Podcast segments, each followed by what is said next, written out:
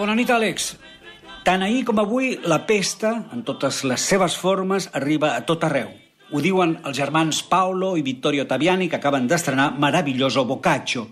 Per aquests dos honorables mestres italians de més de 80 anys, amb una vintena de pel·lícules a les espatlles, La pesta negra, que entre 1348 i 1353 va fustigar Florència i mitja Europa, La pesta negra és una imatge de la pesta actual que veiem reflectida en el terrorisme assassí, per exemple, en la desvergonyida corrupció, en el jovent que no sap ni imaginar-se el futur perquè no el té. Una por que ens glaça la vida quotidiana.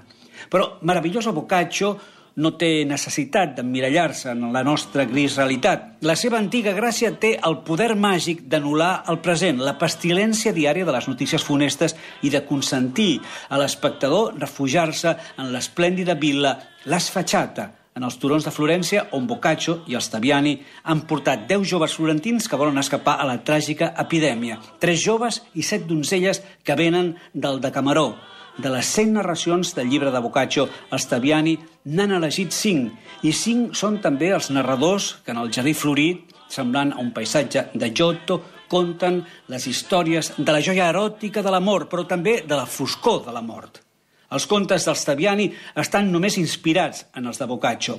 Entre els elegits no manca el famós Calandrino, interpretat per Kim Rossi Stewart, l'estúpid jove centre de les burres dels seus companys que s'enfada i maltrata la seva dona perquè les dones, diu, fan perdre la virtut de totes les coses.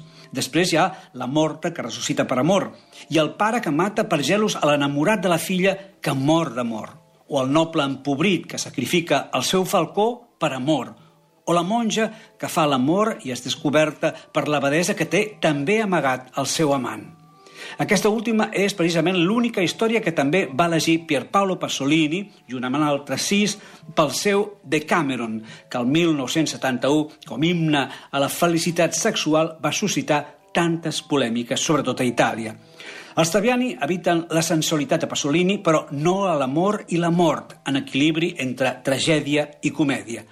Els dos vells directors florentins, nascuts a San Miniato, han elegit els actors italians més guapos. Cassia Smutniak, Riccardo Escamarcho, Carolina Crescentini, Josafat Bagni, Vittoria Puccini, Jasmine Trinca – L'escenografia de Mita Frigato és rigorosa, gairebé franciscana i minimal. El vestuari de Lina Nerli Taviani, senzill i al mateix temps sumptuós, essencial i postmodern, de colors subtils, on ressalten els cossos fràgils, els colls i les llargues trenes de les nobles dames que fan pensar en les pintures de Masolino de Panicale. I la fotografia, la fotografia de Simone Zampagni utilitza la llum com els grans mestres del color. La narració de la pel·lícula és lírica, essencial, plena d'intensitat. El que debilita, però, potser el film és la construcció del mar, format pels joves que es reuneixen al jardí. Després d'algunes imatges necessàries per explicar la pesta i la por del contagi, la recitació resulta redundant i reiterativa, especialment en comparació de les històries narrades que molt bé podrien haver anat una rere l'altra, sense interludis. El que, de veritat, però, col·loca el film molt per sobre de la mitjana del cinema italià és la direcció pictòrica i sensual dels Taviani, l'ambientació dels llocs i els edificis que ens recorden que Itàlia és el cor artístic del món. Eduard Rubió per la Finestra Indiscreta des de Roma. Molt bona nit a tothom.